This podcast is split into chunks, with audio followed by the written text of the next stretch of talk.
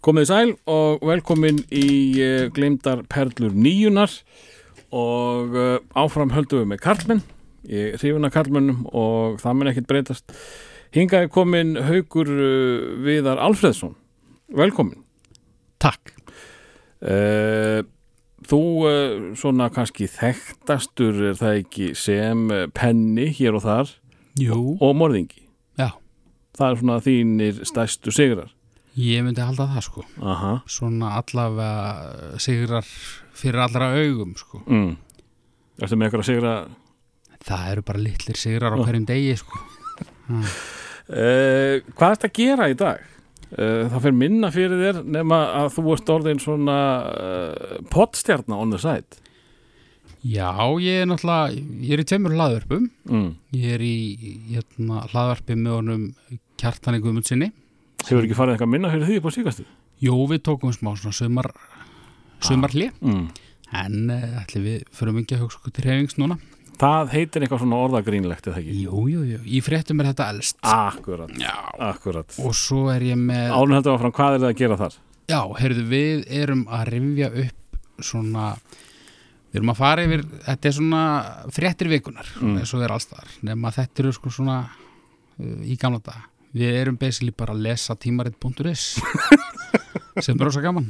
Og við bara uh, stingum niður fæti einhver staðar og, og eitt þátturum var um til dæmis uh, mentar gemverur á Snæfellsjökli 92 og, og síðast vorum við að tala um ég manna ekki.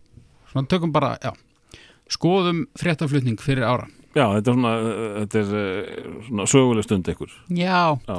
Nema svona kannski munurinn á okkur og til dæmis við erum ílláðdóttur mm. er svo að við tölum að mikill í vankunnátt oft en uh, það er ekkert femnismál fyrir okkur. Nei, nei, nei, þið talið samt að heilindum. Já, ég vona það. Uh, hitt er kannski ekkit svo rosalega ósvipað. Það er að ræða hluti sem eru venjulega ekki drættir Já. þegar að dæma hluti sem eru venjulega ekki dæmdir. er Já? Hva, hvað heitir hitt? það er sem sagt dómstagur Mm. það er ég og hann Baldur Ragnarsson hérna, kentur við, við Lottu og, og, og Skálmöld Mm og morðingjana reyndar. Var hann morðingi? hann er, Já, já, já, já. Bara það er svo mikið að gera hjá honum í öllu hinnu að sjá lítið á honum. Mm. uh, og svo er það hann Eggert Hilmarsson hérna, hann er í ljótu hálfutunum með Baldri og, og hérna. Bara þetta eru er, Ertu komin í hálfleita gengi? nei, er það? Nei, nei, Tveir þriðju? já það hafa nú verið svona ég hef nú verið viðriðinn eitthvað af þessum mönnum Mm. í, þó nokkuð tíma. En við sem sagt uh, kallum okkur dómstagur og, og fjallum um um bara svona hverstaslega hluti. Hérna hvað myndur gefa munnhörpu marga stjörnur af fimm mögulegum? Og, og, og þið náið að ræða þetta í dágóða stund já, en það er bara út af því að við erum svo sjálfhverfir og, okkur fyrir svo gaman að að rembast að vera finnir og, og hérna, Þetta er á léttunundunum já, já. Mm. þetta eru bara þrýr menn að, að hérna í ykkur brandara kemni sko. Það er hérna. En það er gaman, okkur finnst gaman að gera þetta og það er nú ekki, ennþá ekki að mér vitandi í íslenskum hlaðvarps heimi það er ekki mikil peningur í þessu. Nei, en það eru einhverju fartan að fá pening já, Ég veit að hérna Dr. Fútball já, uh, Hjörvar Hafleðarsson, ég veit að hann sem er þrjá sponsora, já. Hann byrjar á því að tala vel um, nú mann ég ekki að þeim en uh, hann er þá með hann er að borða eitt af sponsornum og nýbúin að setja á sig líkt eða eitthvað. Já, það er svona í upphafi, hvort hann komi inn á það einu sinni tvisar í þættinum í, í viðbót, ég veit það ekki. Já, við þurfum að skoða þetta. Já, ég náttúrulega get aldrei fengið þetta, þetta er rúf. Má, má ekki setja pening í, hlaðvarp þar en það heitir þetta hlaðvarp ekki podcastir. Já, þetta er líka þú veist, íþróttir, þær eru þær skapa tekjur sko. Já, já. er hérna Já, en líka þrýr kallar að, reyna að vera finnir og einhvern annan, það er alltaf, alltaf gott í eyru. já, já, Já, já. það held ég En eh, ég held líka bara að Íslandi rétt af, ást, og fyrirtækir rétt að átta sig á því að, að sko, þetta er ekki lengur tugir eða hundru sem er að hlusta, þetta er alveg komin í eitthvað þúsund, sko. Þannig, að- þannig að það er hægt að selja nokkra pilsur á, á, á því, sko. það held ég En uh, færum okkur aðeins að viðfangsefninu sem er uh, tíundu ára til síðustu aldar. Við kjósum að kalla nýjuna.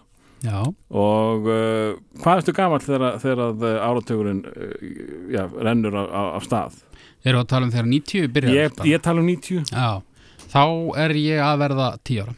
Ég er sem sagt fættur í janúar 1980 þannig að þetta er alveg áratugurinn þinn. Ég myndi segja það sko. Mm. uh, En sko Já Ég man, samt, ég man rosa vel eftir áttunni líka.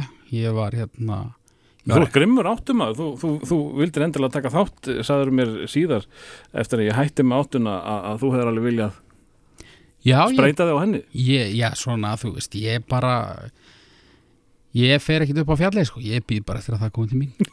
En ég er að pæla í því sko að því þú ert þá ungur þá hlýtur þetta að vera eitthvað setni tíma. Nei, vegna þess að sko Ég er náttúrulega Ég er engabann fyrstu 12 ára æfuminnar mm. og, og hérna ég þurfti að hafa eitthvað fyrir stafni. Þannig að það var bara hérna og ekki var ég að leika mér þannig að það, ég var bara hlust á plöður já, já. og hérna og voru þá fóreldrar eitís fólk eða? uh, nei, ekkit þannig sko þetta var bara svona eitthvað uh, ég var bara fyrir svona skrítið bann Já, en einhvern, einhvern veginn verður þetta að komast í eirun þín er það bara Já. rátt bylgjan og eitthvað, útarpið já, og Já. svo bara þú veist, eitthvað plötur með fallegum umslögum í mikla garði sem að ég einhvern veginn náði ímist að söða út eða, eða safna mig fyrir Mm. þegar ég var að koma aldur í það og uh, ég egnaðist til dæmis plötur með Paul McCartney og, og Lionel Richie löngu áður en ég egnaðist fyrstu Latta plötuna Já. Latti var svona aðeins hérna en uh, en nýjan er náttúrulega unglingsárin Já, en þar er maður oft svona kannski farin að sérhæfa sig svolítið mm.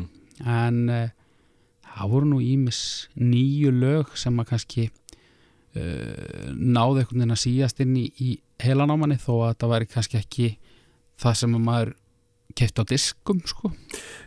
Sko hvernig eh, það, sko menn, menn hafa notað ýmsar útgáður við að velja listan sinn eh, einn var bara með eitt ár og, og leta duga og það var árið hans eh, margir fara eftir tímaröð eh, margir fara eftir hvað, eftir hvað heyrði í útarpinu á sínum tíma eh, svo er það nördarnir sem að eh, já, eru löngu búin að eh, pinna ákveðna tónlist við hvert ár og, og má ekki klikka bla bla bla, hvernig, hvernig gerir þú þinn lista? uh, þetta var svolítið svona busy vika í vinnunni hjá mér þannig að ég eiginlega gerði það svolítið með raskatinu Mm. en uh, ég held mér að það tekist að finna nýju lög sem að hafa öll einhverja svona þýðingu fyrir mig eða eru þá í það minnsta af plötum sem að, sem að hafa það. Mm. uh, sumt þarna minni mig á einhverjar sögur eða, eða tímabil en, en svo er önnur bara svona, svona lög svona, ah, já, þetta lag. Mm þannig að það var ekki kannski, það er ekki einhver einn rauður þráður þarna. Eh, það er líka alltaf gaman af, já, þetta lögunum, Lög, það er akkurat perlu sem maður er búin að gleyma. já, þegar þú ert að renna inn í, inn í þennan uh, tíundu áratug, hvað, hvað, þú ert, já, tíu ára já og hvað, hvað, er, hvað, er, er á, grammafóni haugsins? þá er það mikið sko, hérna ég var ennþá í latta sko Mm. og náttúrulega Jackson Já, þú tekur Jackson tímabilið svo flestir? já, reyndar sko frá og með í rauninni bad sko Mm. Ég kvekti fyrir þau sent á honum miða við hérna að ég var alveg komin í, í, í grimm plötukaup svona kannski eh, tveimur árum eftir thriller. En, en hérna en það var svona það var svona platan sem kom mér inn í, inn í Jackson.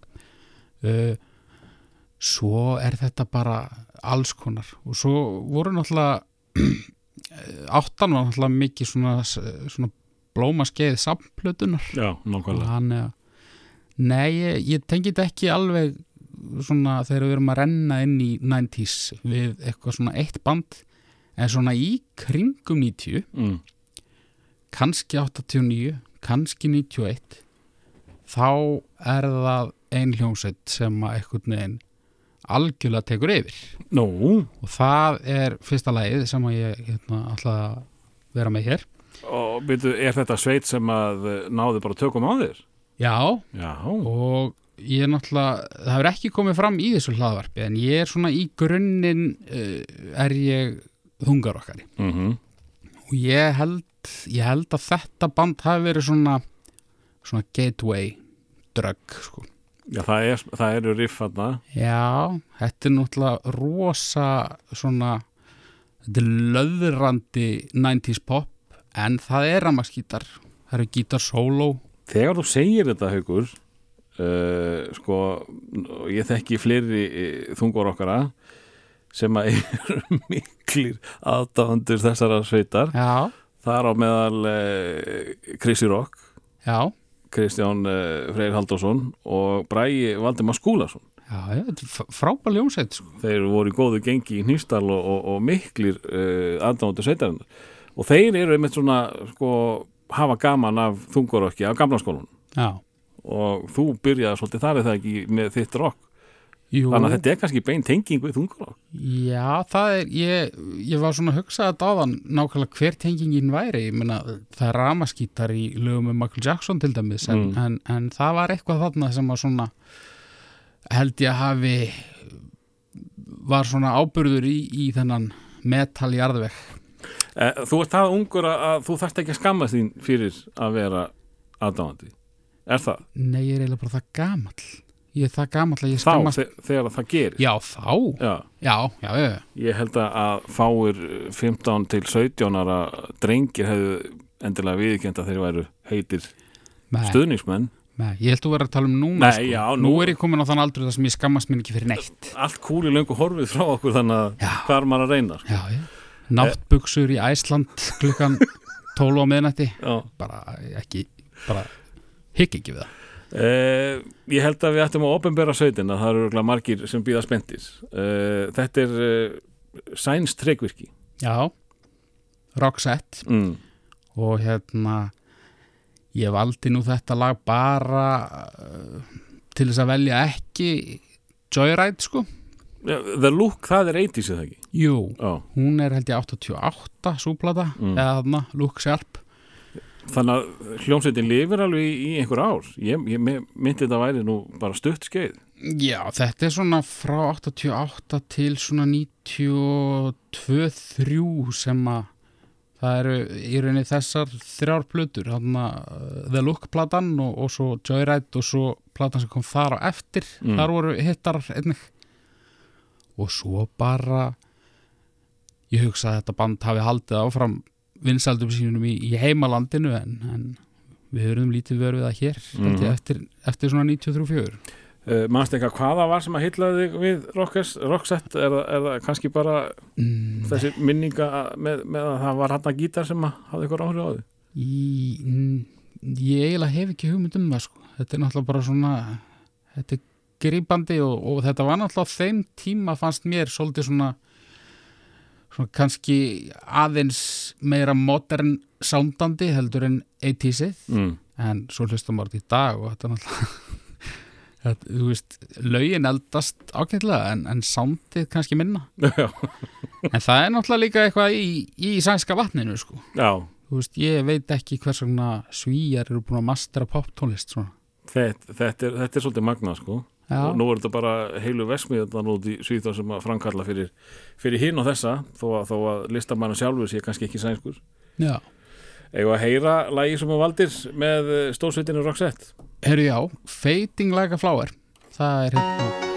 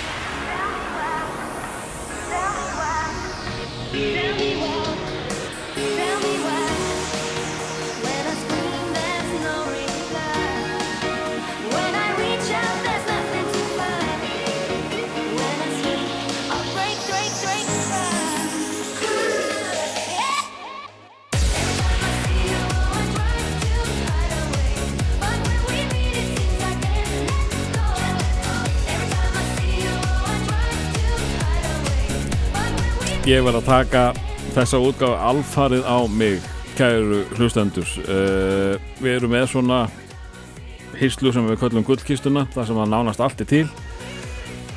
Og uh, já, ég fekk bara listan frá Hauki, ég vil þetta lag og þetta lag og ég fann þetta allt saman og uh, var ekkert að forhlusta þetta. Og það stendur ekkert remix við þessa útgáfu. Þannig að ég, ég það var skrítin svipurinn á Hauki þegar að uh, lagi fór á stað. Ó, ég, ég elska að þetta hafi gerst Ég er bara, þetta, þetta er stórfenglegt Og, og fallir fara heill Já, Mundu það nákvæmlega, nákvæmlega. Þetta var sem sagt uh, fyrsta lagið uh, á þínum lista og við náðum að klúðra því. Já, já Þetta er, þetta er flott, fyrir vel á stað. Uh, hvar ertu í heiminum þegar þú er, hérna, reyðist inn í, í nýjuna? Uh, Bara í Garðabænum Þú ert garðbæingur, já. Já, já Garðbæingur svona næstum því borin og, og barðfættur bara Og, og ertu þar unglingsárin og... Já Til 22 Nú, nú, ég sá því sem einhver, einhverja rottu, sko, miðbæjar. Nei, nei, nei, nei Ég reynda tók leikskóla árin hérna þá var ég að rottast aðeins Mm. en hérna annars var það alltaf Garðabær sko. Já, já. Og hvernig, hvernig var að vera uh, krakki í, Garðabæ? Silvurskeið og, gullstangir? Já, hefur sem myndina It Maður ekki? Það var bara eins og It nema ekki hérna einhver morðaður trúður bara svona maður að hjóla og, og lítið að gerast Mm. en hérna, neini þetta var ágætt Hvað hérna fyrir, fyrir unglingin? Eh, félagsmiðstæður og eitthvað stuð í kringum þetta eða manni finnst, eh, sko, það er alltaf að tala um þetta sé svo, og, sko, allir svo ríkir þarna en mér finnst vera svo, svo lítið líf þarna. Já, jú ég hugsa nú að það hafi verið félagsmiðstöð ég, ég er náttúrulega bara þannig maður að ég svona, það eru takmörk fyrir hversu félagslindur ég er Mm. og hérna ég var nú að segja það bara um daginn við eitthvað hérna þú veist, ég man eftir, ég man eftir einhverju skólaballi þegar ég er svona 12-13 ára. Og hérna já líklega svona 13 þá er einhverju byrjaðar að reykja og einhverju fór í sleik og svona. Ég var á klukkunni og fór svo eldsnemma af ballinu til að missa ekki af Simpsons þannig að hérna Og Simpson voru bara klukkan átta eða eitthvað eða ekki? jú, jú, Já. eitthvað hlæs og hérna, þannig að já, það var örgulega, það var örgulega meira um að vera í garðbænum heldur en ég kannski uppliði og það var ekki þannig að mér var eitthvað haldið, haldið utan við það sko, ég Mm. náttúrulega bara bara eins og ég sagði áðan, ég var bara ég var enga barn og, og bara einhvern veginn vanur því að vera svolítið bara út af fyrir mig Eh, engin klíka, engin félagskapur á ráði? Jú, jú, Og, Ég- og, og ég- hvað, fóru þeir ekki á, á diskotekin heldur það? við vorum náttúrulega nördar Mm.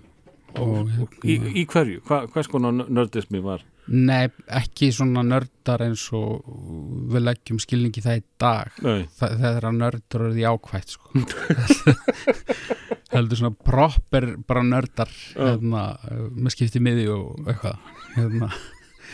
þannig að jú, jú, við, ég, ég átti, átti eitthvað af fínum vinum sko, en, Mm. en hérna en ég svona, mín unglingsár er ekki eins og eitthvað bandarísk bíómynd sko. Nei. en ég veit ekki, eru einhver unglingsár þannig? Ég veit það ekki, ég veit það ekki. Það fyrir að stíða hvaða myndir þú ert að tala um. Já, Uh, þú ert uh, sko yfirlýstur mikill aðdáðandi uh, Simpsons og já hefur verið lengi og Já. þú hefur komið til minn í þátt til þess að tala um Simpsons hvað, það var vegna þess að þú varst að fara að gera eitthvað Simpsons dæmi Ég, ég lísti því yfir á samfélagsmiðlum að, ég hefðist horfa á alla Simpsons Ah. þætti frá upphafi og þá eru konar heldur 24 serjur og svo bara fóru fjölmiðlar að ringja, það verið eitthvað lítið að frétta og hérna og ég upplýsti það nú svo setna að ég, ég gafst upp í serju 23 Já, er það? ég náði í serið 23 svona inn í hana miðja kannski. En þá var þetta orðið alveg átakalegt og ég, ég gæti ekki meir. Og ertu hættur að horfa yfir höfuð í dag? Þetta er ennþá í gangi, eða ekki? E, Jú, Já. ég hef ekki séð neitt nýra en það sko. Mm. en ég var að byrja á nýjum ring já, já, ég er að klára sérið 2 Mér fannst nefnilega fyrstu þættindir svo illa teiknaðir, ég, ég tengdi ekki alveg við þá. Það var, þetta sé ekki svona þriðja fjórða serið sem, sem ég detti inn sko. Í þriði fjóru seri er þetta orðið svona meira sleik sko. Já, Eh, þetta er svona soldill svona, svona eiginlega pínu svona evrópskur drungi yfir allavega fyrstu seríinni það var allt teiknað í Tjekklandi eða eitthvað. En hérna en ég er samt mikill aðdóðandi fyrstu og annara seríu. Er hérna það er ekki jafn sprengklægilegar en, en það er svona það er dekkra yfir þessu öllu. Það, já, já, Já. Hómerinn er að kála sér og alls konar. En hérna það er eitthvað og senn er þetta bara nostalgíðan sko. Mm. ég hérna ég var alveg heillaður og, og ég bara þegar klukkan sló hvaða var sem það var þá var ég mættur sko. Uh, þú valdir eitt lag uh, úr þessum þáttum. Uh, þetta var náttúrulega sko á tífamböli var þetta nú bara risastórt. Það stórt að Michael Jackson ringdi í framleiðendur og, og sagði ég ætla að semja lag fyrir ykkur til að koma á toppin sem hann gerði. Já, bæði samdi lagið og komði á toppin það má segja að það sé frekar uh, stór hlutur þegar Jackson eldir það og vill vera með. Já, já. Og hérna kom hann því á toppin ég var eitthvað að skota á hann. Já, ég, ég, ég skoða þetta á sínu tíma að því að uh, þegar ég var með Grínlandið já, þá hérna var ein sem að þetta var unglingalægi hjá einni nú er ég bara búin að gleyma hvað hann heitir spunameistarinn hann sem var í skaupinu var með skaupu síðast, hmm, improv það er bara alveg stótt dottið um mér. Það skiptir ekki öllum máli, þetta var sem sagt unglingalægi hennar, þá, þá sá ég það að þetta fór á toppin sko. Já. Já, ég sá til dæmis að þetta var á toppnum í, í Írlandi. Mm. ykkur á margar vikur röð. En hérna en svo þurfti ég að fara að gera eitthvað annað. Þannig að ég var ekki viss hvort að það er náð á toppin í bandaríkjunum en, en það lítur að vera. Það var náttúrulega ekkert í heiminum heitara en Simpsons og Michael Jordan þarna. Michael Jackson já, Simpsons og Michael Jordan sko Já. var svona að heitast það sko. Jackson, jú, líka, en þá uh, Varstu það heitur að þú náður í plötuna og á sín tíma? Já, já, já, já, já, já. já kassettuna. Ég er nefnilega svo- sko í gullkistun og hérna rúf þá er til sem sagt önnur plata ekki með þessu lagi, já, hérna komið út marga plötur það, þessi var Yell, svona Yellow album eða eitthvað svolítið já, herri, það er öll þriðja platan okay. Svo var önnur sem var með bara lögum sem voru í þáttunum en þessi er svona lög sem eru samin sérstaklega fyrir plötuna sko. mm. uh, ég held að ekkert af lögunum á þessari plötu hafi verið actually í þáttunum Heyrum hér uh, Bart og Do the Bartman terrorizing people wherever I go. It's not intentional, just keeping the flow. Fixing test scores to get the best scores. Dropping banana peels all over the floor.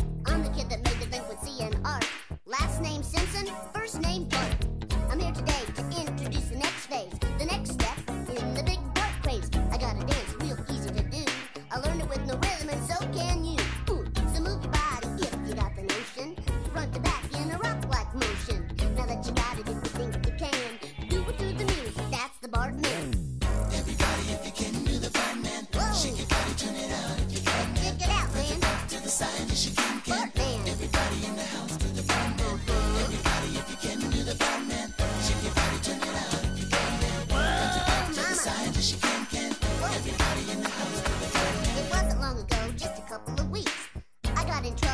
Pretty deep.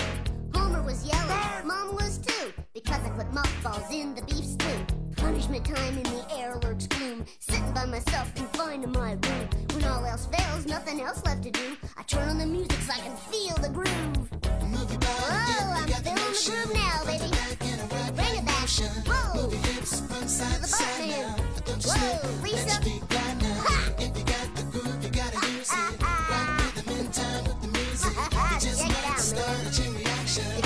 Bart, you're bad like Michael Jackson. Everybody, if you can do the oh yeah.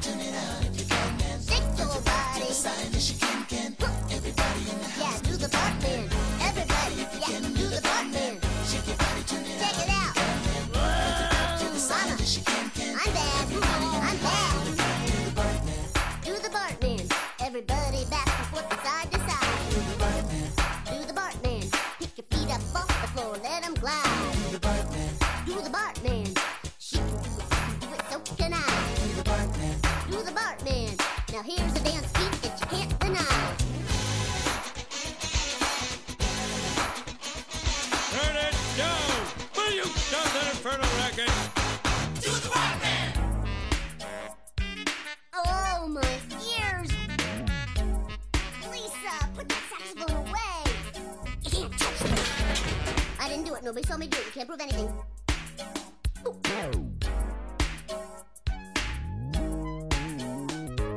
Now I'm in the house, feeling good to be home, till Lisa starts blowing that damn saxophone. And if it was mine, you know they'd take it away. But still, I'm feeling good, so that's okay. I'm up in my room just a singing a song. Listen to the kick drum kicking along. Yeah, Lisa likes jazz, she's her number one fan. But I know I'm bad, cause I do the Bart man. Hey, everybody, need I remind you? I am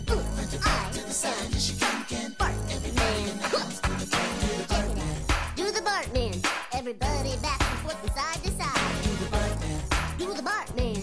She can do it, do can I. Move your body if you got the notion.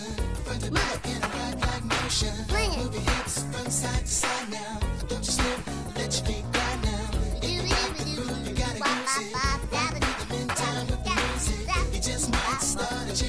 Chain reaction. I'm the Bart man. Bring it, baby. Oh yeah, I'm bad. I'm real bad. Whoa, I'm bad. Þetta eru The Simpsons, uh, Bart í aðalhutverki og lagið heitir Do the Bartman og uh, að því komst að inn á Jordan uh, þú ert þú ert korrupálta nörd þú, þú ert áhuga maður um NBA eða ekki Jú, kom það á, á Jordan árunum? Já, eiginlega sko. En ég hérna Bulls var ekki mitt lið sko. Mm. en ég hérna ég síndi þið nú áðan hérna að mynda mér í, í einhverjum Bulls ból sko. Náttúrulega bara heldu allir upp á Michael Jordan. Mm. en svo hérna kannski líklega 93 þá hérna þá svona fór ég að halla mér upp að San Antonio. Já, sem voru mistök sko, það er mjög leiðinlegt að halda með vestudeldaliði maður á vaka svo lengi og, og svona mm. en hérna Hva, maður, hva, hva, hvað hérna heillaði þið þar? það var hérna burstakliftur trúanöttar eða nafni David Robinson sem að ég mann sérstaklega eftir ég fór hérna ég fór með körfuboltamynd á rakarastofu í Garabæ með mynd af uh, David Robinson. Og hérna sagði þar við konuna sem að var hérna mammas Vegas Páls hérna, knastbyrnumanns hún var, með, hún var að hórgræslu konan í bænum. Og sagðist vilja fá svona og hún horfði á myndina og horfði svo á mig og reyndi einhvern veginn svona að segja mér að fallega að ég væri kannski ekki alveg með hárið í þetta. Mm. En uh, ég stóð fastur á mínu og ég lappaði hann út eins og eins og einhver hérna útblásin rauðbyrkin lítill David Robinson. Já, það er mitt og, og, hérna fóst allar leið, varstu, varstu í myndunum og, og, vorum já, já, já, já, og eh, sko, menn söfnuðu myndum. Ég, ég var á gamall til þess að taka þátt í þessu menn söfnuðu myndum og, og, og ge- gekk ekki kaupum og sölum og eitthvað? Jú, fólk býttaði sko. Já, ég hérna maður fór heim til fólks og, og, og, og, og skipti. Og, og svo náttúrulega hérna uh, var snerist allt um bunkan sko. Já, eiga sem mest að því já, Já, og þú veist svo eru svona stundu voru svona þrývitamindir svona einhverjum sérstakamindir sem þóttu voða fínar og svo var maður að safna einhverjum serjum og svona. Já, já, þetta var þetta var móðins. Mm, mm en hérna en ég, ég hugsa að ég hef verið búin að uh, hafa áhuga á NBA og, og köruboltamyndum í svona allavega eitt og hálft ár áður en ég sá köruboltaleg þetta er bara hjarð hefðunin sko þetta byrjar svona þegar ég er svona 12 ára kannski og hérna þú bara áttir að þetta er bara eitthvað svo áttir að gera. En hérna, já.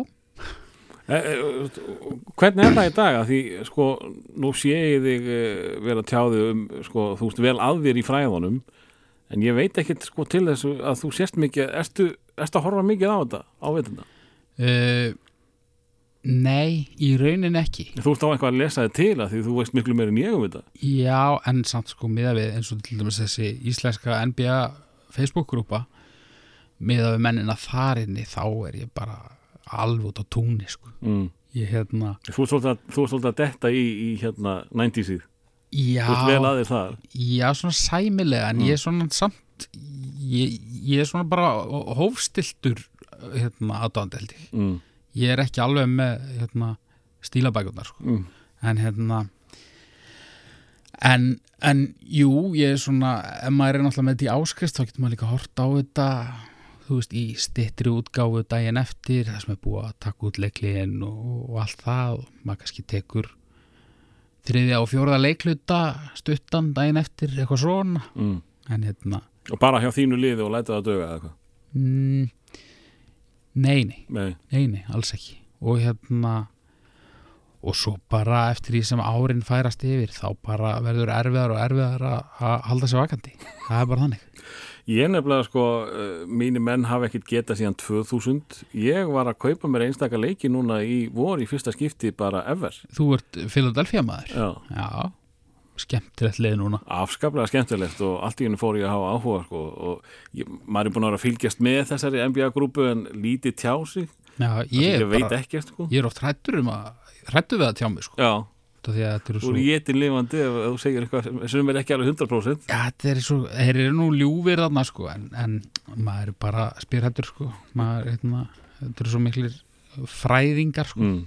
en, hérna, en við vitum rosa mikið um 80s pop Já, og, já. og, og 90s Sem að þeir hafa ekki hugmynd. nákvæmlega Eh, hérna eru við aðeins farnir að káfa á rockinu í næsta lagi. já, Hva, hvenar, hvenar verður ferðu beint í metal eða, eða, eða er það bara rocksett metal eða nærðu að, að færa þig meira og meira í metalin eða það er eiginlega beint úr rocksett í metal ég hérna ég á frænda sem er nokkrum árum eldri og hann er halin upp í, í, í trúarsöfniði og hann var svona rockari. Mm. hann var alltaf að hlusta eitthvað þungarokk djöflórokk eða, kristilegt Nei, þungarokk kristilegt þungarokk og ég hérna mér fannst það pínu skemmtilegt og fekk eitthvað lög á spólum svona kristilegt þá? Já, já. Já.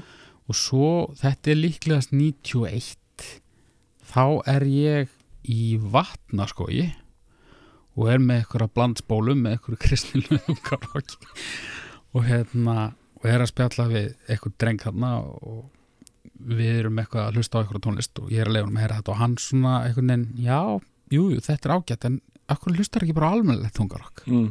og ég bara, eins og hvað? Og þá leiða mér sér að heyra í Metallica. Já, og hérna og það var svona 91, hvað er að gerast þá í, í þeirra þá eru þeir, þeir nýbúin að gefa út þessa, þessa góðsaknakendu svörtu blöð Já, það er bara stóra plata þeirra. Já, þá var hún bara nokkra Enter vikna Sandman og það er það ekki? Já, Já, og þegar ég heyri það þá þá voru þau sænsku hjú ekki mikið spila eftir það. Og fórstu þá beint í, í að kynna söguna að því, já, svona þeir sem að telja sig alveg rockara, þeir segja fyrir söstuplutuna var það eina sem að Metallica gerði gott og það hefði verið eitthvað snild. Já, ég, ég bara svona þrætti mig svolítið tilbaka og, Mm. og náttúrulega í þá daga, þú veist, ef mér langaði í geisladisk, þá þurfti ég að sapna fyrir honum og það kannski tók einhverja vikur eða jafnvel mánuði Já, þannig að ég hafði ekkert tök á því að, að svona alveg sökka mér í þetta svona allt í einu eins og, þú varst ekkert með neitt svona þungarokks net. nei, í raunin ekki sko Nei. og hérna uh, mínir vinir þá voru voru að hlusta á bara eins og krakkar á þessum tíma bara svona alls konar þú veist en, en svo einhvern veginn fer ég í sífælt harðar og harðar að þungarokk og svo fer að dettin grugg og hérna og mér sér breytt pop Já, náttúrulega varstu þar? aldrei svona Opinberlega? aldrei á bóla kafi Nei, en hérna en svona eiginlega eftir þessa svörtu blötu þá kom rafmaksgítar yfirleitt við sögu mm.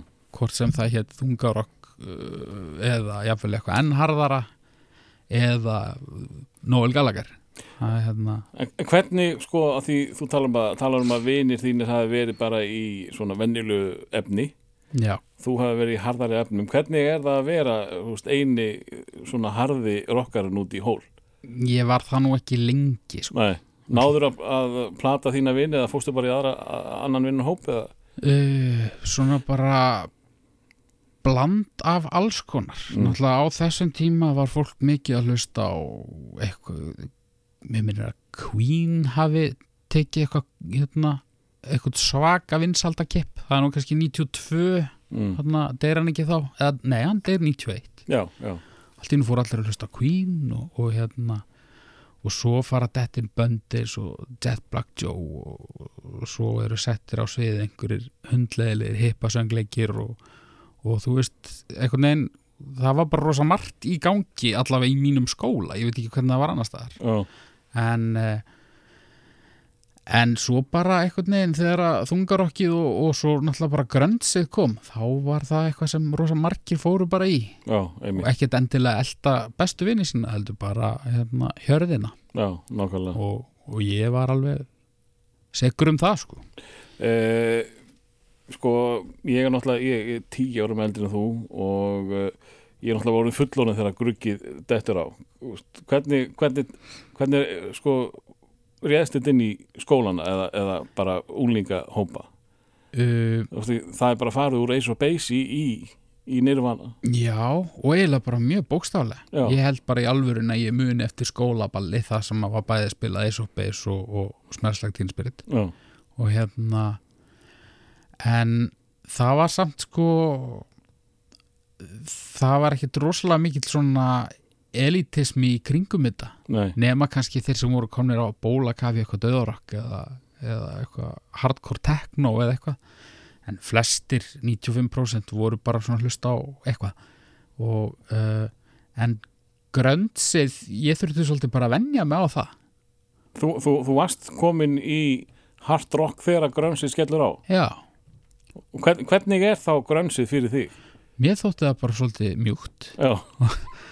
Og, hérna, ekki leiðilegt sko en, en svolítið poppað? Já, mér finnst það bara með að vera herra og, og ripnara og, og reyðara mm. og uh, en svo náttúrulega bara þegar þú ert búin að heyra ákveðið mikið með nirvana og þú ert unglingur á tíundu áratögnum þá er rosa erfitt einhvern veginn að ignora það. Mm. og uh, ég ákvað nú að koma ekki með nirvana samt. Það er eitthvað, Þeir eru ekkert vola marga glimta heldur. Nei, það er einmitt það sko. Og hérna þannig ég ákvað þá fylgdu þeim náttúrulega rosa mikið af svona böndum sem voru einhvern veginn í kjölfarið. Mm. bæði nýjum böndum og böndum sem hefur verið að gera eitthvað aðeins öðruvísi og, og náttúrulega allt glísorokkið til dæmis það vissi ekkert hvað átt að gera árið 1991 þegar að Kurt Cobain var búin að sína fólki hvernig ætti að gera þetta. Þannig að það er hljómsveitir ímist eh, lögð upp laupana eða breyttu um sánd fór í hérna anorakka og, og svona. Og Flannel. Já, já. En, hérna, en, en svo voru þessi svona þessi poppuðu punkbönd sem að sum hver urðu gríðarstór og önnur áttu kannski nokkuð lög og, og hérna og svo eriðist ekki meira frá þeim? Uh, Næsta lag er, er um, með hljónsveit sem átti einhverja smá smelli uh, Ég man eftir í Romeo og Juliet myndinni, það áttu þeir eitthvað stærst lag. Já, já, er það, það er ekki þetta, eða? nei, nei, þetta er aðeins fyrr sko. En, en þetta var einmitt sko það er eiginlega engin ástæða fyrir því ég valdi þetta lag umfram önnur önnur en svo að þetta er bara svona þetta er svona band sem var hluta þessari bylgu maður heyrir ekki oft í dag. Mm og ég, ég held ég hafi ég held ég hafi keft plötuna sem þetta lag var á en ég held ég hafi bara hlusta á þetta lag. Já, það er þannig. Já, Þetta er sem sé hljónsveitin Everclear og lagið Santa Monica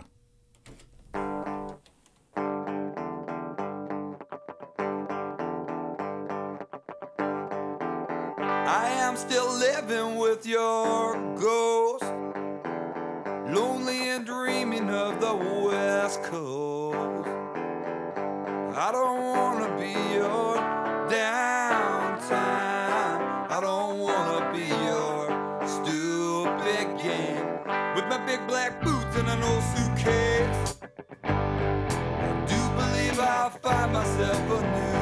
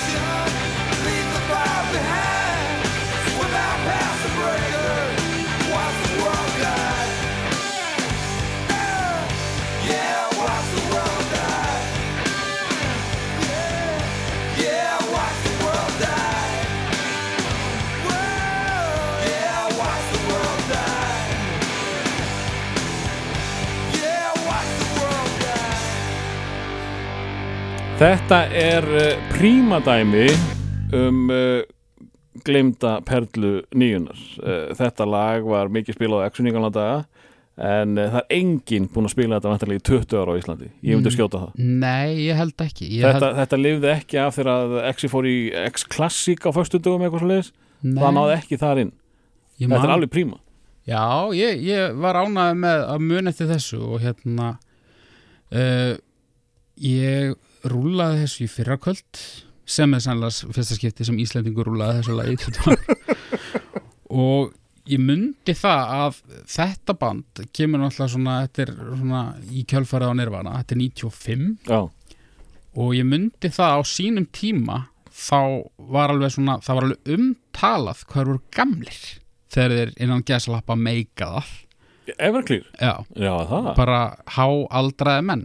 Og ég var svona að reyna að muna hvort þeir hefði verið sko uh, 40-45 eða hvað og hvað er værið þá heila gamlir núna en allavega þeir voru eldgamlir. Og ég flettið upp og þegar þetta lag kemur út er allavega söngvarinn 33 ára þannig að Ég veit man eftir myndbandi með þeim sko og þeir liti ekkit útrefar svo gamlir en nei, nei, við hlýðan á þeim sem gr gruggurunum þá, já, þeir voru allir 20 something eða ekki. Jú, ég fekk bara eiginlega bara áfall ég hérna, hef alltaf einhvern veginn staðið þeirri trú í þau fáskipti sem að mér hefur dottið þessi hljómsend í hug að þetta hefur verið svona band sem var 20 árum eldra en, en samtíma sveitir Mm. en uh, já, það eru 5 ár síðan ég var 33 Uh, förum þá í uh, sko þetta er þetta, þú, þú ert nú opinbjörg stuðnismæður næstu, næstu sveitar og, og, og hérna uh, nær þetta fylgja reglum? Sást þetta á listum eitthvað staðar eða? Þetta, já, Já, já, nefnilega. Og sko, ég valdi þetta lag aðalega út af því ég var að spá í hvort ég ætti að koma Offspring en Offspring þakka fyrir að gera það ekki. Offspring er svo rosalega vond hljómsveit sko. Og það tók mér nokkur ára að fatta það. Uh, Varstu stundismöður? já, fyrst stím og það dæmi? já, já, Já, þegar súplata kemur í, í mínar hendur 95, þá hafði ég aldrei heitt bara í betri hljónsett ok. Og hérna nema kannski reitsakið sem að sín. Mm. sem að, se, se, sem að er góð hljómsveit. Já, já, já, já. En hérna, Og, og, og, og þeir hafa ekki tapað neina á öllum þessum árum. Mér finnst þetta ennþá jafn töff. Nei, þetta er bara uh, rík heldur. En, en ég gat ég gat ekki koma offspring. Nei. Og hérna, en, en sko sko, gott að blessa með þessa plötu með Selfa stím og það en svo fóru þér í Pretty Fly for a White Guy. Já, já. Varst eða þá vagnunum þar? nei, Nei, nei, þá er ég dottin út sko. Ok. ég dett út deila bara strax eftir að eftir að smass svona já, smass fer í, fer í útsölu rekkana þá, þá er ég búin að missa, missa þeim. En, en ég tók ég næsta band bara, þetta er algjör sjálfhverfa sko, ég Mm. bara teng, beintengja þetta við mig út af því að ég hugsa oft um það út af því að næsta band er held ég alveg öruglega upp á sljónsæti mín. Já, og hún var að toppa í vinsældum á þessum sama tíma og ég var að hlusta á smass og þetta er basically bara eins músík. Og það pyrra mig svo að ég hef verið að hlusta Offspring en ekki þessa hljómsett en hins vegar þetta lag og reyndar annað af sömu plötu það rúlaði alveg á MTV sko. Já. og svona er alveg hluti af svona mínu 90s svona soundscape sko. Já. En það bara það registeraði ekki þá. Eh, sko ég þekki nafnið og það var eitthvað lag eh, í spilun þegar ég var að vinna á X-inu. En ég hef ekki ennþá fundið það því þú hefur, þú hefur verið að benda mér á eitthvað hitt og þetta með þessar ágættu sveit. Og ég held alltaf að ég sé að fara að hitta á þennan smell sem að maður spilaði oft á X-inu. Ég hef ekki ennþá, ég er ekki ennþá hitt lag sem ég kannast við. Já, þetta er held ég stærsti smellurinn þeirra 90s sko. Já. og uh, í, í, fyrir mér þá koma eiginlega bara tvö lög til greina sko sem þú getur verið að tala um. Og ég hugsa á þess að tala um þetta. Mm. þetta var svona og þetta lag kemst ekki inn á top 50 hjá mér eh, hjá þessari hljómsveit sko en, en, en þetta var samt 90s hittarinn þeirra og, og hérna og í rauninni eitt af örfáum lögum sem að, sem að svona fellur undir kriteríuna hér að að hafa svona tjartað pínu. En, en uh, þetta er samt sveit sem að starfar enn í dag Já, þetta eru svo satt Better Religion og þeir eru stopnaðir ef ég er að fara með rétt mál þá eru þeir stopnaðir 80 eða 81 og gefa út bara eitthvað svona bílskúspönk og svo hætta þeir í smástund og gefa séðan út proggplötu.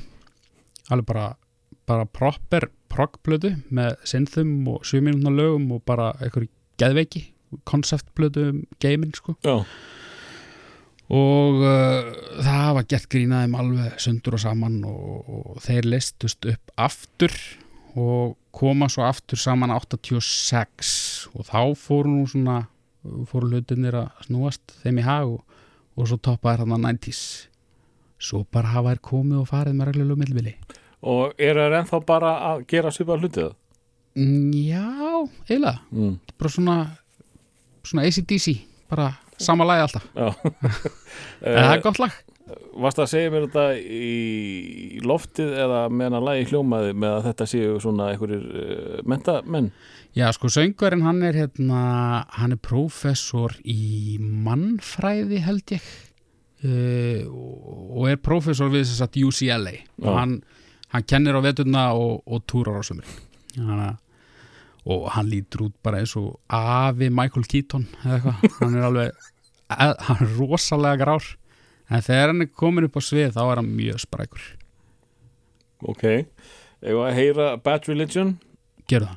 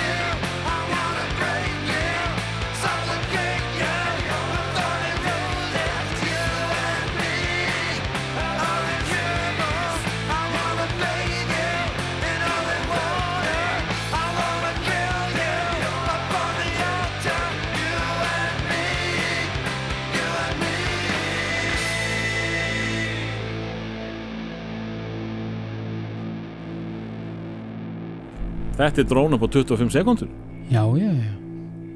Heitir þetta drón? eh, Já, svona. Já. Já, já, maður á drónapínu. Eh, Sko, við erum þarna bara í miðri nýjunni. Þetta er, þetta er hvað, 95 vantalega Þetta þetta er 94 Já, 94 og uh, þarna erst þú orðin uh, sko, alvöru þungur okkar. Komur bara í uh, allt og förðu efni jafnvel.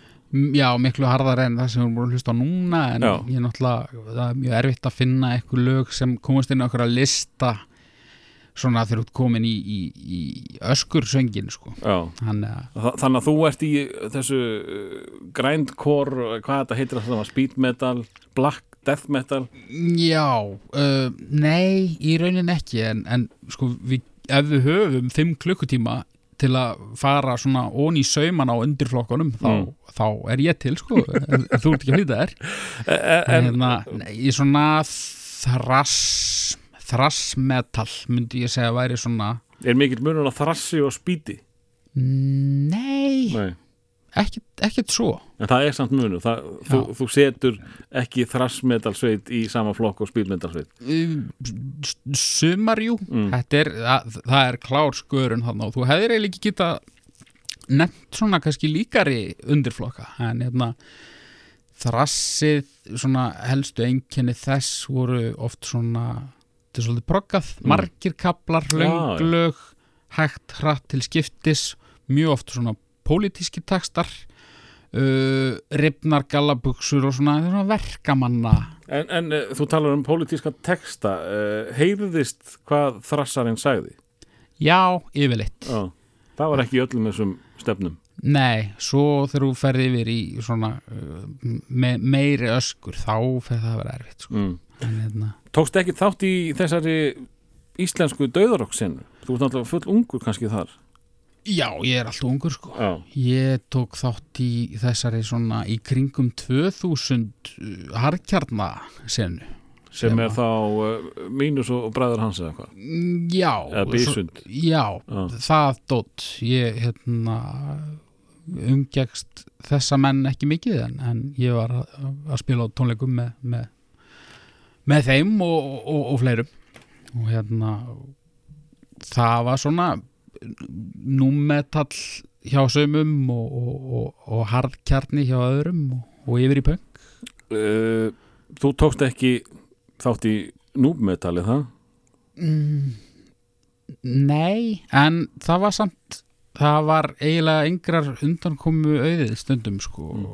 Ertu að tala um að hlusta á númetal? Já, ég er með það. Eh, jú, jú, alveg uh, upp að vissu marki sko. Ég, þegar Fred Durst og félagar mættu ásæði erinda stopp en hérna, Það en- er einu njúmetali sem ég þekki. Ég, ég hlusta alveg á korn og, og svona sko. Já, já, en hérna þetta er ekki tónlistastefna sem eldist neitt sérstaklega vel en, en mér finnst það þá gaman að hlusta korn sko. Já, Ég var nú aldrei á limpvagninu vendilega sko en, nei, en það er, ég er ekkit uh, harðast í rockarinn landsins, ég skal alveg viðkynna það. Nei, já. Ég er meira fyrir Rocky sem ætlar að spila fyrir okkur næst en þarna, sagt, eh, þarna erum við eh, þar sem að þú ert kannski að rocka hvað mest og ert komin í alvöru efni e, þú er að útskýra af hverju þú velur þetta lag á, á þessum tíma. Uh, Gastu verið að hlusta þetta, veist, varstu þannig á þessum tíma, þetta ertu unglingur. Já, þar maður, er maður svona lokaðastur og, og vill eh, vera svalastur í heimi. Gastu verið að eh, já, spila thrash og eh, hérna gefa hérna, hvað heitir þetta, djöfla merkið með puttunum og eitthvað? Já, já. Og sagt síðan, ertu búin að heyra nýjala með blöður? Það var rosalega fallegt. Já, Varstu, ertu þannig típa? Já, ég held þessi út af þessu sem við vorum að ræða áðan sko, út af því ég var ekki ég var ekki í einhverju þungarokksgengi sko. Nei, ég átti bara einhverju vini og einn var í Britpopinu og annar var á Bólakafi Nirvana og einn var svona þungarokkari með mér sko mm. og þetta var svo mikið bara svona anything goes sko ef ég hefði verið með þessum svona hardcore þungarokkurum úr garðabænum þá hefði ég reykt sígarettur Mm. og, og kannabisefni Já, og væri mögulega bara að gera eitthvað allt annað í dag þá hefði ég ekkert verið að hlusta blur sko. nei en hérna en nei, þarna það mátti alls konar uh, Af öllu Britpopinu, uh, þú kemur blöður einhver sérstök ástæða? uh, blur var fyrir mér á sínum tíma uh, besta breytbábið uh, en og Oasis voru svona versta. Mm. en í dag finnst mér Oasis eiginlega skemmtilegri. Já, það. Já, það er eitthvað svona og sko þetta er uppáhaldslægið mitt með blur og uh, og uppáhaldslægið mitt með Oasis. Það er líka svona uh, ljúfsárt trega lag sko. Ég vissi ekki eiginlega hvort ég ætti að koma með en uh, ég ákvað að koma með þetta. Og þetta er nú kannski, þetta er ekki glemd perla Nei, en Blur eiga náttúrulega bara svo gríðalega mikið af klassískum lögum og ég myndi setja þetta kannski svona við neðri mörg uh, þar, mm. kannski skjáttlast mér. Þetta er alltaf ekki mikið nótu perla í dag? Það er Nei, ekki gleimt og, og leið og lagi fyrir gang þá fara allir í, að já en ég er alveg vissum að þau voru ekki að hlusta á þetta í gæðis nei, nei. Og, en svo er líka annað í þessu og það er það að náttúrulega það var ekki mikill gestagangur á þessum tíma frá útlöndum. Mm. en ef það var, þá voru það helst breytpopbönd sem að voru að koma. Já, og ég meina fyrstu rocktónleikar sem ég fer á með erlendri hljómsveit, það er 1995 þegar Ass koma. Já, og svo komu blur held í árinu setna Beidu, þú varst þá í, á þessum asttólningum í, í höllinni sem að mættu 14 eða eitthvað? Mm, ég var lang fremstur beint fyrir frá söngvaran og ég gerir mér ekki grein fyrir hvort það voru tíu manns fyrir aftan mig eða tíu þúsund en uh, já, voru svona fáir sér Ég, ég heyrði svo þannig, ég var ekki því miður, ég, ég, ég var með nætuvaktina á X-inu félagi Ég var mjög hrifun að Ass á sínum tíma sko, en ég heyrði bara að það hefði ekki verið mjög góð mæting. Með, því miður. Það getur verið sko. En uh, þetta er geggja lag sko. Þetta, Já, Já, já, og, og einhvern veginn bara, þú veist, maður tók bara því sem manni var rétt og fyrst að var stemmari fyrir Britpopi, uh, Britpop heimsóknum, þá hlustaði ég bara Britpop.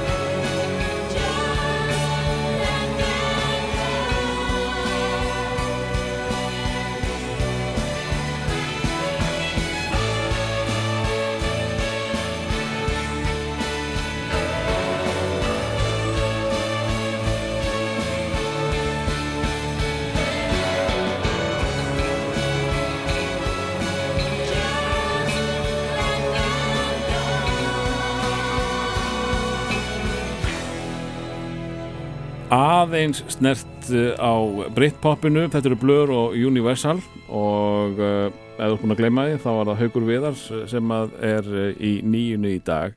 Og uh, nú er komið að svona uppáhaldstætti mínum í þessum þætti. Nú fáum við lags, loksins alvöru tónlist. Nákvæmlega. Herri, já, ég ætlaði nú að lífa þér við næstu lögusett en það ert þú nú kannski ekki beint yfirlýstur ofur aðtáðandi Nei, ekki ofur.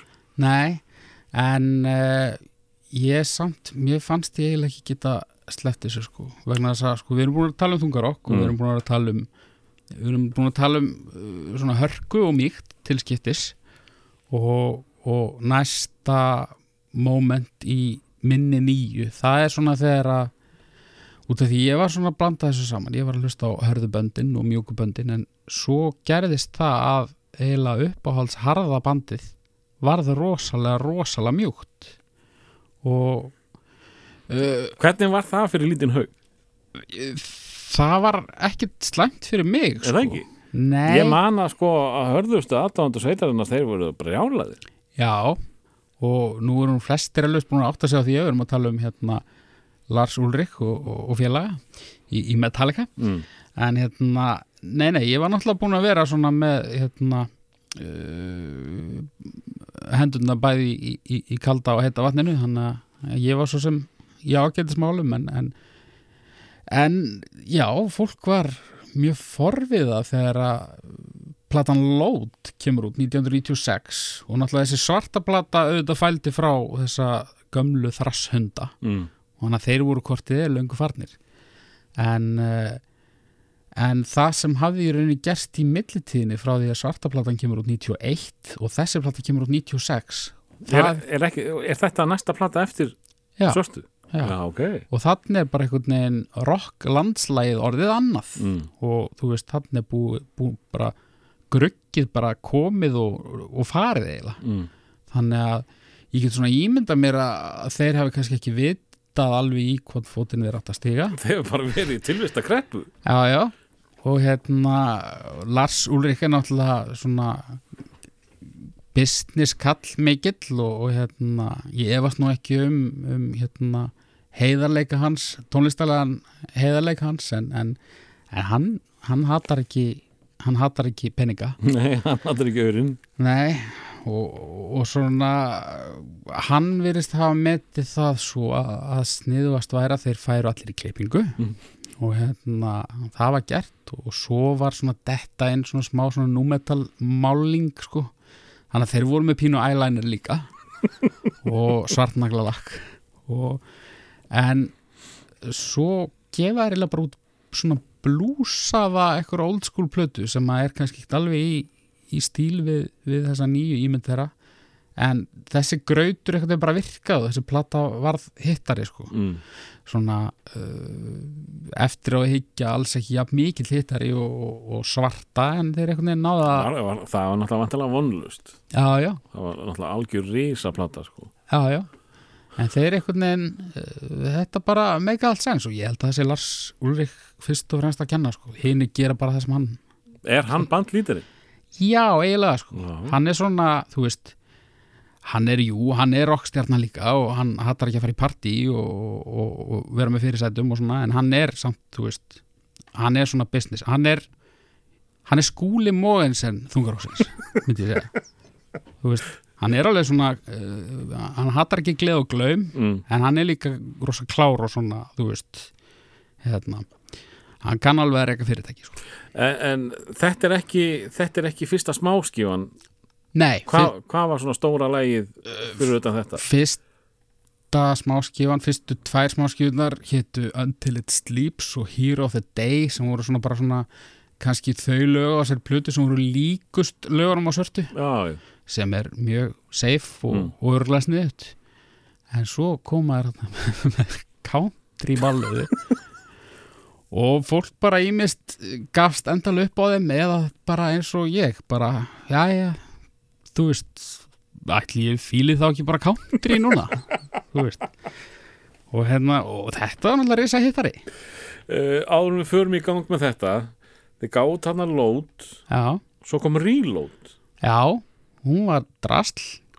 Er, er, þar byrja drastlið Já, sko hún var í fín EP sko, fyrstu fjögulögin eru fín. Það er frábært lag hérna það sem að þeir drösluðu Marian Faithful af einhverju hérna einhverju burnout eigu Mm. einhver staðar og hún tók hérna fyrsta singulin með frábært lag svo koma, já, bara fyrstu fjögulögin þau eru fín, restin bara veist, þetta er örgulega bara er bara eitthvað eitthvað afgangur sko. Já. Og hérna, það var ekki, það, það var ekki jafn löng byð í, í reloadið og, og loadið eitt ár. Það var eitt ár, já. Já, þannig að þetta er örugglega bara outtakes af loadinu. Já, þeir sögðu nú á sínum tíma að svo var ekki sko en, en já, þetta, maður heyri það alveg þetta voru ekki bestu riffin sko. Já og líka bara nafnið segir svolítið mikið sko. Já, og það er einmitt hérna það eru brundslettur framan á þessum tveimur plötum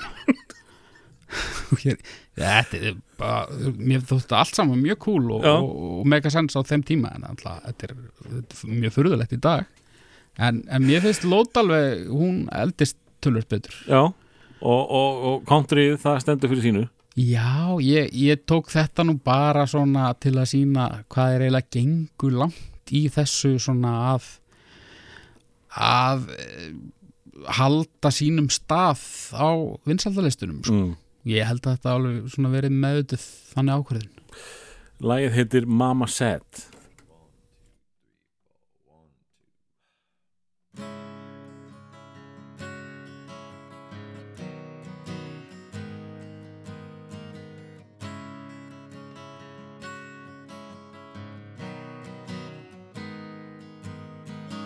Mama, she has taught me well. Told me when I was young, son, your life's an open book. Don't close it for it's done. The brightest flame burns quickest. It's what I heard her say. The sun's hot, so to mother, but I must find my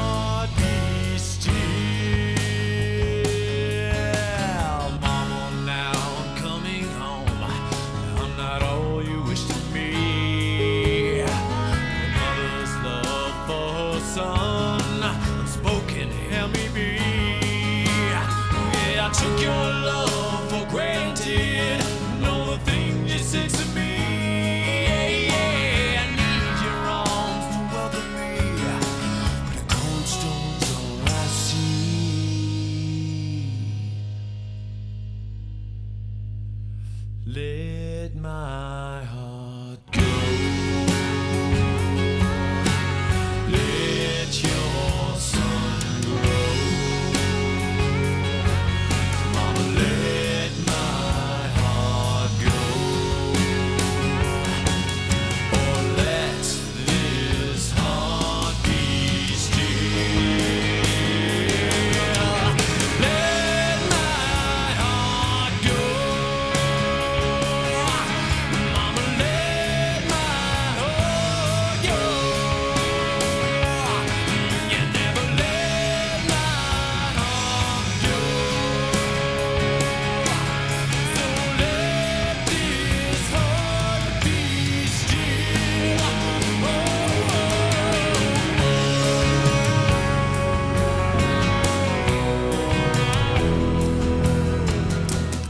Ég tók uh, held ég 35 þætti í áttunni og uh, þetta er þriði nýju þátturinn Þetta er fyrsta countrið Fyrsta countrið? Þetta er fyrsta countrið Já. Til hamingjum með það Já, takk fyrir það. Ég svona kannski blessunarlega kveikti þetta nú ekki í neina country elda hjá mér Nei, en hérna en ég- ég viðkenni það þegar ég sá til dæmis myndbandið þetta lag þetta er náttúrulega á bara blóma skeiði MTV á Mm. Íslandi það er svona nýkomið inn á inn í, inn í hverja stofu. Mér langaði alveg pínu í kúrekastífið sko. En hérna ég let nú ekki þetta, til skara skriða. Þetta, hvað, þe- þetta er 80, nei, þetta er 96 eða eitthvað svo liðis já, Já, þarna og aðeins fyrr þar var ótrúlegasta fólk í kúringastífulum já, og þótti bara töff sko. Já, já Er, er kúrikin alveg horfin úr tískun í dag? Ég Það sé ekki marga ég. í kúrikastífulum í dag Nei, ég, ég, held, ég held að hann sé farin sko. En náttúrulega það sem var líka það var mjög hendugt að Metallica hefði á þessum tíma mýkt sig svona svakalöp þannig að núna uh, þegar þarna komum við sögu þá var miklu minna um það að það veri garga á mig og ég beði um að að ég var bara að hlusta á tónlist sem var ekkit, ekkit mikið meira cool en það sem má og pappi voru að hlusta mm. ég í þessu uppi og pappi í ígúlsneri Já. fínir saman. Uh, Og vendum okkar kvæði í kross. Já, uh, Ánum við förum í uh, þetta lag Gekkjalag uh, Varstu Jamiroquai maður frá upphafi? nei. Nei, ég þóldi þá ekki já, Mér finnst það rosalega aumt og svona lélega stælinga af uh, Stevie Wonder og eitthvað Já, ég sko þegar platan hana með öllum hitturunum mm. kemur út hvena sem það nú er Það er mjög Svona- snemma held ég nýjum sko er það? Það er ekki að meina hann Uh, æ, þarna Virtual Insanity og, Það, það er setna sko er það senna? Já, það er fyrst kemur hann eitthvað too young já. to die og Já, einmitt. Þegar hann er alltaf með hérna, hattin með hotnunum Já, akkurat. Ég veit hvaða plata það er en ég þekki hana til dæmis ekki Nei, ég meikaði hann nema ekki sko. einhver lög kannski. En hérna en, en svo ég tengi þetta bara aftur við MTV þá Mm. var MTV náttúrulega á þessum árum bara svo gríðalega stór hluti af bara minni tilvist og myndböndum við lög á borðið Virtual Insanity og, og Cosmic Girl og annað slíkt. Þessu var bara tróðið ofan í kokið á mér mér fannst það fínt ég, ég var ekkert að missa mig sko en, Mm. en, en mér fannst það skemmtilegt þegar það kom, kom sko og svo er ég nú bara á held ég öðru ári bara í framhaldsskóla þegar næsta lag kemur og veist, þetta er nú ekkert lag sem ég hef hlustað mikið á í gegnum árin en uh, þetta þarna svona uh, tendruðu Jamiroquai gamla nesta sem að, sem hafi verið slögtur mjög lengi. Og það var hérna ég er með ákveðið blæti fyrir svona sinnþabassa og það kemur bara beintur áttunni. Og hérna og ég hafði bara í örgla 10-15 ár ekki heyrt sinnþa bassa sem fór í beinustu leið í, í pungin á mér og, og í þessu lagi. Og þetta er nú úr myndinni hérna um, um Godzilla. Mm. Sem þótt ekki góð kveikmynd ég man ekki neitt eftir henni. En þetta lag var einhvern veginn bara það sem stóð upp úr þeirri mynd sko. Já, það, uh, í sögum mynd mátti finna hérna Puff Daddy og, og Come With Me þar sem að stela Kashmiri það ekki frá uh, Led Zeppelin. Jú, það er nú kannski bara það sem stóð upp úr þessari mynd. Já, það ekki. En, en ok, þetta lag, jú ég veit ekki með glemd perla en, en, en hérna Ekki ofmikið, uh, hún er ekki ofnótuð þessi perla við getum alveg samanst um það. Já, uh, Ég nefnilega sko ég, ég þurfti eiginlega að sjá hann til þess að að fíla hann. Já, hann Jason. Og þetta myndað sem þú my- myndist á Virtual Insanity er náttúrulega stórgóðslegt og maður svona fer að halda með hann þó að maður sé ekki dóslega mikið að- fíla lægið já, og ég sammálaði með þennan syndabassa það, það, mér fannst alltaf vanta pung í tónlistinnas og hann kemur með syndanum sko. já, þetta er ég bara, ef þið er sama þá er ég svona að fara úr buksunum og, og að það aðeins við mig á meðan að þetta rúlar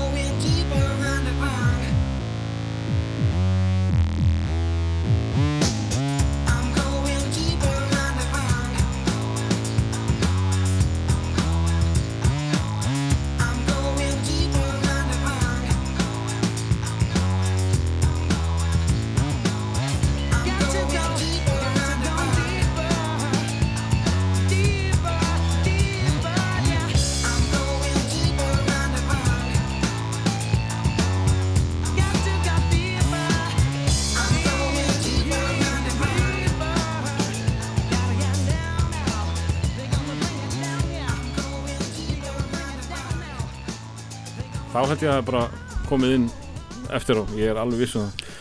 Hvað um það? Já, já, Uh, þetta var Jamiroquai úr uh, henni stórgóðslu Godzilla, uh. Deeper Underground. Og það er þessi syntabassi sem er, er heillandi. Og hann hefur gefið út nokkur svona lög með svona smá pungi já, síðan þá sem að mér finnst bara ægilega fín. En ég sé það bara núna það er ekki mikið að konum á listunum Nei, það eru tvær, eru fleiri, það eru þrjár. Hmm. já, það er náttúrulega Roxette. Og, og næsta lag. Og svo náttúrulega vinnur okkar hann Bart. Auðvitað. Já. En, Eh. en, en við grísum út tvö lög reyndar, hérna, kvenn lög Það voru tvö kvenlög, það var, það var Hól Já, já, við grísum það út og, og svo fannst ekki hitt konuleið sem að já, Veronica Salt Veru okkar salt Veronica Salt Já, við ætlum að fara alveg djúft inn í Riot Girl pælingar en, Já, en, en afsakið það. Já, já, það er bara það kemur næst. Eh, þetta er hún Cyril Crow. Já, sem að eh, verður seint talin í miklu uppáldi á mínu heimili. En þetta finnst mér eiginlega eina lagi sem að mér finnst bara nokkuð gott sko. já, ég þú var ert alltaf rosalega bíónörd. Já, þaðan kemur eiginlega sko ég er náttúrulega rosalegur James Bond nörd. Er það? sem er rosalega lúðalegur nördismi að í dag, já. Já, þetta er ég held að það verður töff að vera James Bond nörd í þáta uh, kannski 1962 en ég veit ekki með mig hérna eitthvað að rembast við að vera með eitthvað högutopp eitthvað í einhverjum leðurjakka á einhverjum forsýningum sko, ég var ekki töff. Varst að vinna með það? Já, pínu Pínu. Og hérna ó, það var svo gott ef maður, ef maður komst í góða forsýningu þegar það fylgdi bólur sko. Nei, nei, þetta er en þú veist, svona er þetta. Maður verður bara, maður verður að ná botninum til þess að einhvern veginn finna leiðina upp. En uh, bondnördismannum fylgir einnig bondlaganördism Mm. og mér finnst þetta lag klárlega falla undir skilgreininguna glemd perla. Já. Að, já, ég get tekið undir það. Vegna þess að þú veist það er náttúrulega alltaf verið að fabulera um þessi bondlög, náttúrulega þessi gömlu þetta og svo þegar við erum í nýjunni þá Mm. er nú oft verið að tala um GoldenEye til dæmis. Já, og af einhverju undarleir ástæð þetta leiðilega garbage lag hana já. sem er ekkert skemmtilegt.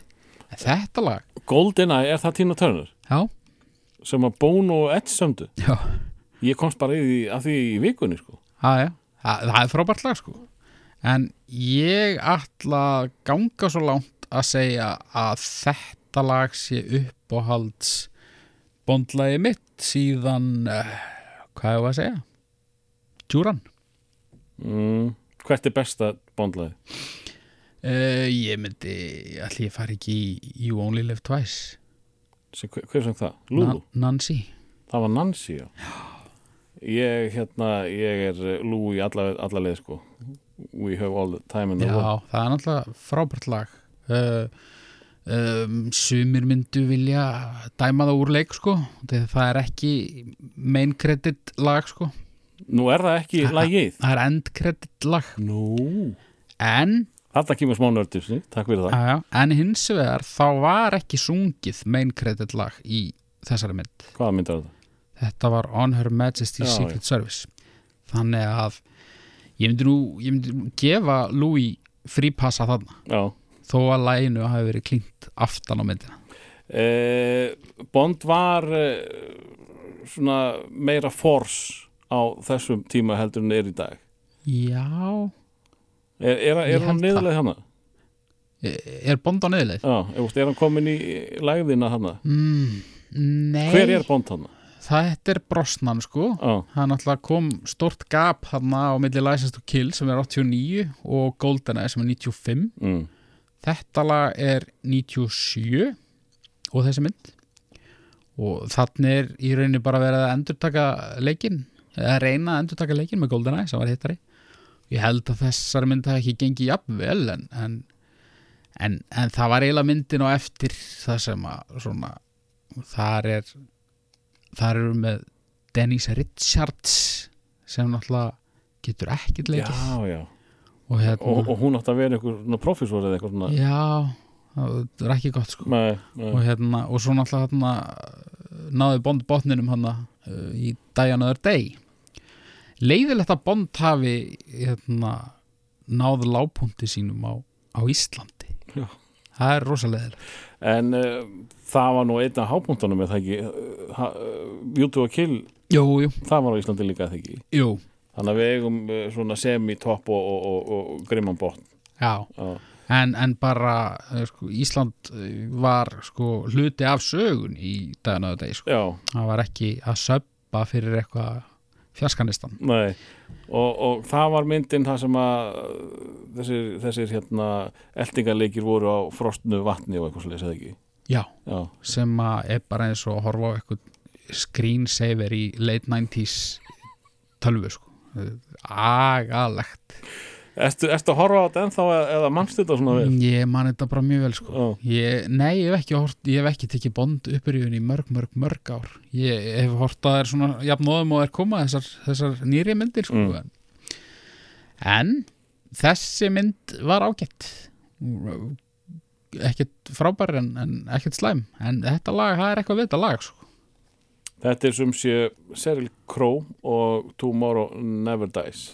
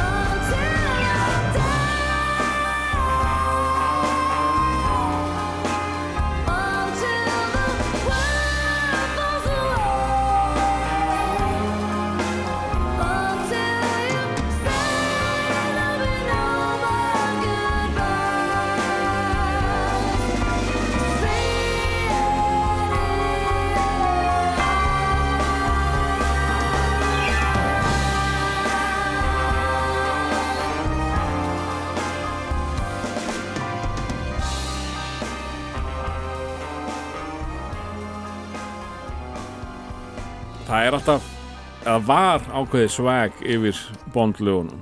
Já. og, og þú, þú nefnir hérna djúran djúran mér finnst það ekkert svo frábært lag sko. E, mér, mér finnst það ég var aldrei djúran maður sko. Mér finnst, ja, þetta er uppáhalds djúran lagið mitt. En það, ég var, ég var nokkuð mikil djúran maður. Þetta er svolítið mikið að vinna með samtæknina og kunnu greinlega ekkert mikið á hana. G, G, G. Ekki, ekki mjög töff og stóð sama með AHA, ég var mikill AHA maður en uh, bondlægir fannst mér ekki stert sko. Já, ég er ekki, ekki sérstaklega hrifin af því sko. En hérna, ég tengi þetta náttúrulega bara við myndirnar og, og barnæskuna, Bond var ég er alveg upp á fóruldrum sem að fóru eftir uh, rauðu og gulu miðunum á vítusbólunum, bara í einu öllu. Mm, en það var alltaf einhvern veginn að eina sem var gerð undantekning með, það var Bond. Þú mátti sjá bond? Ég mátti sjá Bond. Þannig að þannig ég horfði bara þá á Bond bara 50 sinnum þú veist. Það var ekkert annað. Uh, sko, við erum konur á síðasta læginu já, uh, kannski rétt aðeins að uh, tónlistamanninum Hauki. Já, er hann byrjaður að skralla eitthvað uh, fyrir lok nýjunar af einhverju viti? Nei. Nei, Nei, nei, ég hérna ég kefti mér minn fyrsta ramagsgítar svona þegar vinsaldri Nirvana uh, stóðu sem hæst. Þá heyrði ég að, að það gætt hver sem er spila á gítar. Mm. komst fljótt að því að ég var undantekningin og hérna þannig að hann var bara undir rúmi í einhverjum hérna, kassa. Já, og svo er það ekki fyrr en 2000 held ég. Frekar en 2001 sem hljómsett sem ég held gríðarlega upp á. Uh, íslensk þungaroks hljómsett sem hétt Víksbá mm.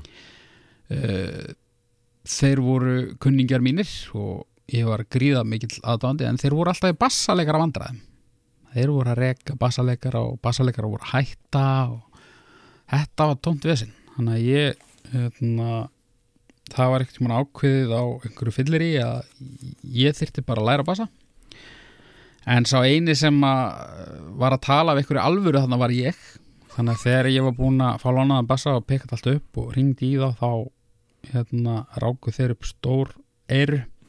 Haukur, ha, þú, þú kannt ekki að bassa, hvað mennur en þeir leiði mér að koma örgulega bara af orkun Mm. og ég var ekkert slæmur. Ok. Og þannig byrjaði það. Þannig að þú komst í uppáhaldsbandið Já, svo var ég rekin nokkrum, nokkrum vikum setna og fyrir hönda breyn hérna, en svo eitthvað, gekk það ekki út í hvort hann hætti eða eitthvað. Þannig að þeir ringdi aftur í mig. Hæ, hörru, viltu koma aftur? hérna já, hann er fór það og, og þaðan yfir í, í uh, svona mjög furðulega hljómsett sem átti sér nú aldrei líf utan bílskursins sem hétur Lubricant. Já. Þaðan yfir í Dáðadrengi og þaðan yfir í Máragjala af hverju fóstu yfir í dáðadrengi? út af það var einhvers konar hip-hop og, og Já, þú það var bara sama, það vantaði bara slækara já, þeir voru að spila voru að vera að opna eitthvað svona menningarhús í, í köpen mm. Og eitthvað rassi prump og, og einhverju frá færium og eitthvað húl, húlum hæ og þeir voru bókaðir og þá hætti Sindri Eldon. Þannig að hafa hringt í mig. Og ég bara hérna, af því ég er ekki fingrafemur og ég byrjaði mjög seint þannig að ég verð aldrei sérstaklega fingrafemur. Ég kann ekki nótur en ég er ágættur í að pikka upp það sem ég heyri. Þannig að, þannig að ég svona náði þessu á einhverjum nokkrum dögum og fór hann út og spilaði með og svo, svo rísa morðingjarnir þannig upp úr, upp úr því Uh, og talandi um þá áður en við förum í, í, í lokalægið uh, hver er staðan á, á þeirri sveit? staðan á þeirri sveit er svo að uh, við erum að fara hljóðrita lag í þessum mánuði og það verður fyrst skipti sem við komum inn í hljóðver bara síðan svona 2013 þegar við tókum upp plötu sem að við gáum síðan út 2016 Mm -hmm. þannig að þannig að ég veit ekki hvort við kunnum þetta ennþá en, en við, eh, við frumfluttum lag á Estnaflugi í fyrra held ég og uh, það var aldrei við tekið upp og við erum sagt basically bara, bara fara að prófa að taka upp sjálfur ég veit ekkit hvort við gerum eitthvað við þetta mm. við ætlum bara svona að taka lag sem við eigum onni í skúffu, taka það upp og aðtóa hvort það verði ræðilegt eða hvort það fari bara beinustu leið á rástu Já, beint á toppin uh, En uh, þið hafið ekki verið að pönka mikið. Þetta, þetta er orðið miklu léttara. Ætlið Já. að pönka eða, eða bara dægulag ég held við gerum bara bæði. Er gaman að gera bæði. Við hérna við vorum alltaf að gera bæði sko, náttúrulega kannski fyrsta platan svolítið, þar eru við svolítið að hæðast að pönki Mm. og fannst pönk fyndið fyrst og fremst en svo bara uh, föttuðu við það að þetta var bara gaman. Og svo fórum við bara að gera svona til skiptis, þú veist, plata 2 og 3 það er bara til skiptis, bara eitthvað garg og svo bara mannakott mm. en, en náttúrulega er svona rosa rátt út af því að bara við hérna, höfðum takmarkanir sem, sem tónsmiðir og, og, og, og hljóðfærleikar en, en svo síðasta þá lágum við svolítið yfir þessu og, og Þrjú ár já, nú ekki þrótlaus vinna kannski en við svona hraðin fekk smá pásu sko. mm. ja, það pínur hraði held ég á leiðinni Já, já, já, já. ég veit ekki, kannski bara fleiri tjaldvagna útilegur og eitthvað líklegra Uh, loka lagið uh, eitthvað sérstak ástæða fyrir því eiginlega ekki sko Nei. ég bara hérna það var sinnþa bassa hérna blætið ég held, held áfram að grafa í því og, og þá myndi ég til þessu lagi og, og þetta kannski jú, þetta er nú ágætis kannski svona bindur svolítið saman uh, popparan og, og þungarokkaran mm. því að þannig erum við með mann sem er svona fyrst og fremst raftónlistamæður uh, mikið í synþum og, og, og sömplum en hann hefur alltaf verið í þessum metal heimi. Mm. og þú veist, ég minna þetta er maðurinn sem að eiginlega tekur Marlin Mansson upp á sína arma og, og þetta, er, þetta var á einhverjum tímapunkti hljómsveit sem að var á forsíðum þungarokks tímarita. Bjó, bjó hann til Marin Mansson uh, hann var pródúsirinn hans. Já, það? Já, og hann, hann, hann super, Antichrist Superstar já, ég held það. Ég var endar aldrei í Mansson sko en hérna en já, já, og, og þú veist já, bara sk- skrítin kall sem gerir sem kann ímislegt mm. og hérna uh, pínu spes að hans kannski helsta afreg þegar að saga hans verður reyði upp eftir einhver ár sé þetta leiðenda Johnny Cass cover þarna. Já, já en, uh, en þetta lag er alveg geggjað og þetta var svo sem alveg smellur en maður heyri þetta ekkert oft í dag. Nákvæmlega. Þetta er úr myndinni Final Destination. Gaman að segja frá því, ég var búin að gleyma því. Og hérna já gefur út þarna tvöfalda mjög skrýtna einhverja ambient prog plötu 99 og þetta er af henni. Þetta er sem sé uh, Nine Inch Nails. Já. Hvað, Trent Reznor eða ekki? Jú, og uh, Into the Void. Uh, Haukur, uh, takk kærlega fyrir að rifja upp nýjuna þína með okkur hér. Takk Og- sem leiðis Við ætlum bara að enda á þessu lægi þangar til setna, verið sæl